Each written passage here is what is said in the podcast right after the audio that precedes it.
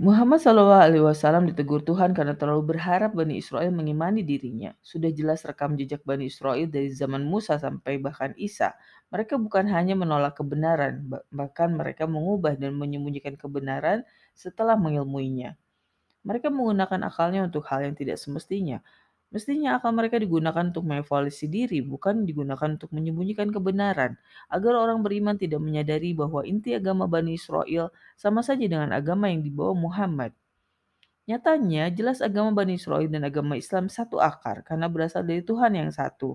Al-Quran membenarkan dan meluruskan apa yang telah diselewengkan oleh Bani Israel menjadi Yahudi dan Nasrani.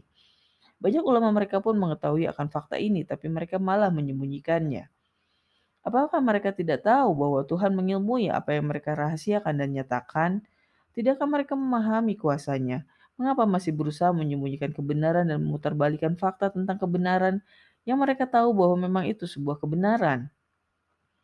Sementara mereka yang mengilmui, mengubah dan menyembunyikan kebenaran, ada juga dari Bani Israel yang tidak mengilmui kitab mereka kecuali angan-angan dan prasangka semata.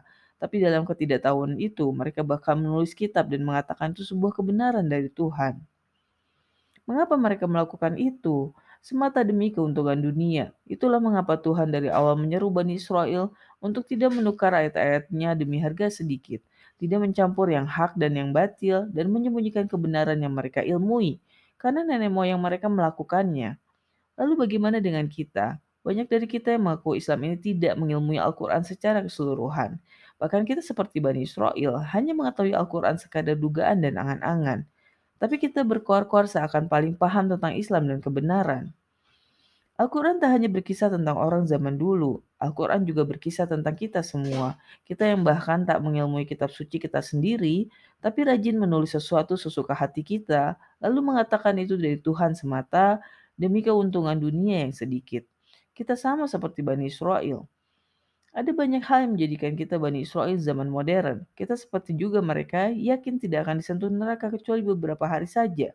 Padahal kita tahu perilaku Bani Israel tak sesuai dengan tuntunannya. Seperti juga kita yang mengaku Islam ini, perilaku kita tak sesuai dengan tuntunannya. Tuhan mempertanyakan pernyataan mereka dengan memerintahkan orang beriman untuk bertanya, apakah Tuhan telah mengambil perjanjian dengan mereka perihal itu? Padahal Tuhan tak pernah melanggar janjinya. Ataukah mereka mengatakan hal yang tidak mereka ketahui tentang Tuhan? Seperti kita yang tidak tahu isi Al-Quran. Padahal neraka hanyalah sebuah konsekuensi dari perilaku manusia. Mereka yang mengusahakan keburukan dan telah meliputi dengannya dosa-dosanya, mereka adalah sahabat neraka, mereka kekal di dalamnya. Sedangkan mereka yang beriman dan beramal soleh adalah sahabat surga yang, dan mereka kekal di dalamnya. Jadi semua manusia dinilai berdasarkan perilakunya, bukan atas pernyataan kosong semata. Baik mereka tahu konsekuensi perbuatannya atau tidak, tetap saja akan ada konsekuensi dari perilaku mereka. Karena itulah Tuhan memberikan kabar gembira bagi yang beriman dan beramal solih agar mereka tetap istiqomah.